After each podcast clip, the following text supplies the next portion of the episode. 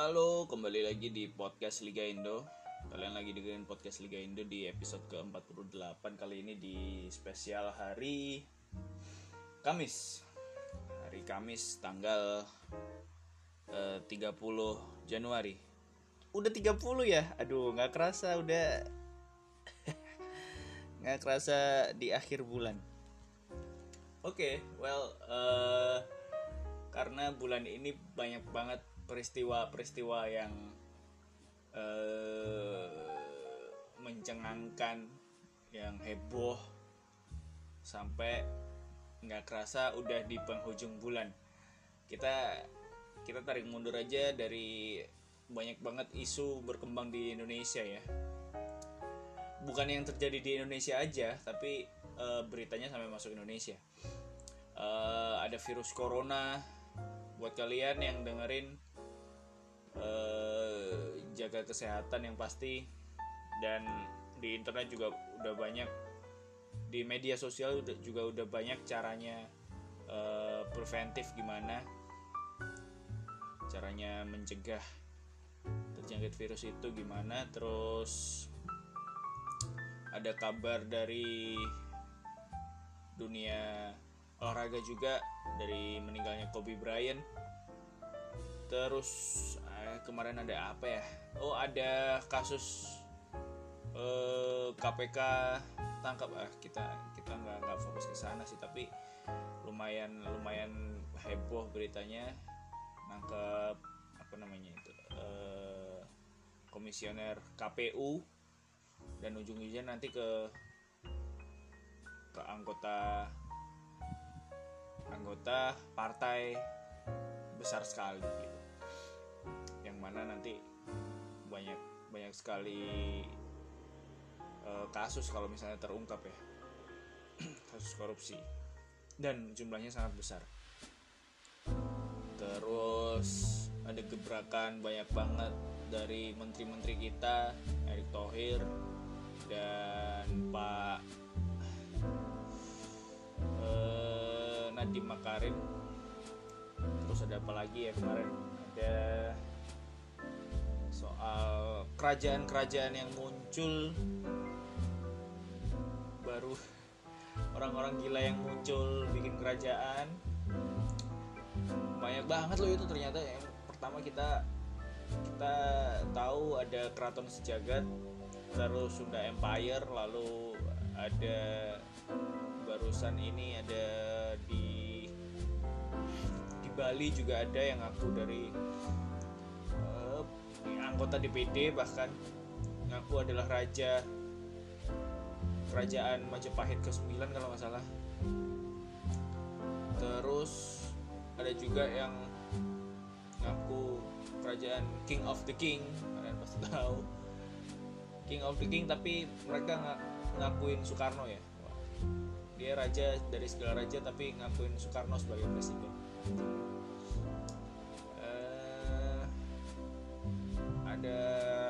lagi ya berita. Ada banyak banget. Tapi yang pasti kalian juga juga pasti tahu uji coba beberapa uji coba yang yang digelar timnas yaitu timnas U19 ya di bawah kepemimpinan Sintayong hanya sekali menang kalau nggak salah ya sekali menang lima kali main sekali menang dan yang empat lainnya kalah telak dari beberapa tim Korea. Bagus-bagus timnya ada Busan ada Seongnam ada beberapa university gitu. Eh, kita mainnya di Thailand semuanya kenapa di Thailand? Ya karena kita training campnya di Thailand tim Korea itu juga ada di Thailand. Jadi kita nggak nggak ke Korea. Nah berita itu yang kita akan bahas sekarang. Karena banyak sekali yang bilang eh, yang komen juga di media sosial. Eh, Sintayong nih mending mending Fahri Husaini lah main Sintayong buang-buang uang buang-buang uh, segalanya lah. Tapi hasilnya kalah mulu. Kalahnya telak-telak dan sangat-sangat ini ya apa namanya sangat kalau bisa bisa dibilang nggak nggak seharusnya kalah gitu karena karena kita timnas U19 nih lolos Piala Dunia gitu. E, tapi kalah dengan tim-tim seperti itu. Oke gitu. di sini kita jelasin. Yang pertama adalah Sintayong dan para pelatihnya. Selama di Thailand hanya berlatih fisiknya saja. Hanya berlatih fisik. Belum memfokuskan berlatih strategi formasi dan lain-lain. Hanya fisik yang ditingkatkan. Uh, dan beberapa dari pelatih Coach Safri lalu ada Nova Arianto itu bilang kalau fisik dari pemain-pemain kelihatan beda dari sebelumnya. ya sekarang nih nih apa ya yang sekarang meningkat sekali fisiknya sekarang udah berani duel lebih ngotot dan gak gampang capek di babak kedua sekarang. Kenapa kalah? Ya karena tidak ada tidak ada strategi yang dipakai. Jadi kalau kalian menilai dari segi permainan apalagi hasil itu pasti kalian nggak nggak bisa nemuin apa bagusnya tim ini. Tapi kalian kalau misalnya lihat dari fisiknya kalian pasti bisa lihat peningkatannya itu. Itu juga di, diakui uh, beberapa pundit beberapa pelatih juga. Jadi buat kalian yang ngerasa ya kalah mulu gimana sih? Marah atau benci jangan. Itu emang belum apa-apa Sintayong ini cuma ngelatih fisiknya aja. Kalau udah fisiknya bagus nanti ngelatih strategi ngelatih formasi dan lain-lain itu gampang jadinya. E, terus Sintayong juga e, anggap aja ini masih pengenalan mulai dari nol lagi. Jadi uh, ya namanya orang baru kenalan ya. Nggak mungkin langsung bagus chemistry-nya. Nggak mungkin langsung in jadi uh, beberapa juga juga pemain juga ngerasa ada yang masih kangen sama Fahri ini ya ya namanya anak muda. Jadi masih banyak penyesuaian yang harus dilakukan. E, ditambah kemarin itu e, 5 uji coba kemarin bukanlah uji coba resmi ya. Jadi tidak masuk FIFA poinnya tidak ada poin sama sekali. Jadi jangan khawatir kemarin pasti kalah kemarin pasti e, ada evaluasinya. Pasti bisa e, muhasabah diri. Bilang gitu. Uh, pasti Sintayong udah nemu mana kelebihannya apa kekurangannya. Itu pasti udah beberapa bisa ditemukan. Butuh butuh waktu emang butuh waktu. Nggak nggak secepat itu gitu jadi uh, kalau kalian uh, ekspektasinya menang menang menang menang kalian fans kardus banget gitu jadi jangan ekspektasi hasil tapi ekspektasilah kepada permainan atau peningkatan-peningkatan yang signifikan di kubu timnas gitu. E, untuk sekarang yang ekspektasi kalian permainan yang lebih bagus, jangan berekspektasi itu dulu karena pelatih juga mengaku belum sama sekali e, melatih permainan, melatih strategi dan lain-lain. Hanya fokus melatih fisik. Jadi kalian kalian pasti nanti kelihatan bedanya fisik pemain-pemain timnas yang dulu dan sekarang pasti pasti ada bedanya. Uh, uh, tapi buat kalian yang ngerti, yang paham soal itu, yang sabar juga dari dulu sabar, udah sabar gitu ya. uh, ya harus diapresiasi lah. Kalian kalian supporter modern banget. Kalian bukan supporter kardus jadi ya harus seperti ini supporter supporter itu harus mendukung bukan hanya bukan apa yang menghujat aja tapi mendukung apa yang dilakukan ngerti apa yang dilakukan oleh pelatih gitu. Jadi nggak asal lihat hasil terus kalah ngamuk-ngamuk nggak gitu ya. Jadi kalian harus tahu eh, pelatih ini ke kalah kenapa ya itu harus dicari digali sebabnya apa gitu. Eh oh ya ada informasi kemarin katanya FIFA uh, memastikan Piala Dunia U20 tahun depan 2021 itu nanti pakai VAR. Pakai VAR. Jadi nanti ada teknologi di situ uh, VAR pertama kalinya di Indonesia pasti nanti uh, kita lihat dan wasitnya pun sepertinya ada wasit Indonesia juga yang dipakai.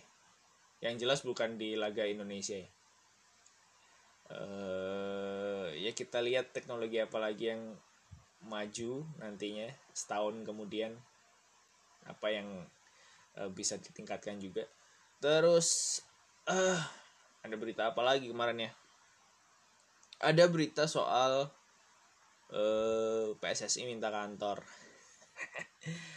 PSSI ketemu sama Menpora terus minta kantor. Terus ceritanya Menporanya mengiyakan. Iya kita bikinin kantor mewah. Tapi syaratnya nanti Piala Dunia U20 di 2021 masuk semifinal ya gitu. Masuk semifinal baru bikin kantor. Ya ya ya ya ya kalau kalian sendiri eh, lebih pro yang mana? Yang Menpora atau PSSI PSSI minta kantor nih di Senayan. Maksudnya biar biar nggak riwa-riwi gitu. Ada kantor sendiri di Senayan biar gampang aksesnya. Tapi katanya katanya Menpora harus masuk semifinal. Biar dibikinin kantor gitu. Kalau kalian pro yang mana? Kalau aku sendiri pro pemerintah men. Harus tunjukin dulu prestasinya kita bikin kantor gitu. Kalau enggak kalau misalnya disetujui nih uh, si PSSI minta kantor nih. Ya cabang-cabang olahraga yang lain minta kantor juga dong. Iya dong. Meskipun sepak bola itu emang olahraga yang paling digandrungi ya di Indonesia selain badminton tapi misalnya kalau di terlalu di apa nah gitu itu namanya. Terlalu di uh, manjakan seperti itu ya pasti ada kecemburuan sosial. Jadi ya PSSI harus berprestasi dulu baru baru dapat kantor. Dan ketua PSSI ngomong ya kita bisa maksimalkan peluang itu lah. Katanya gitu. Ya kita lihat aja nanti uh, kata-katanya PSSI bagus uh, ini banget penuh harapan banget. Ya mudah-mudahan aja bukan palsu ya harapannya. Jadi uh, kita berekspektasi sesuai apa ekspektasi PSSI gitu aja.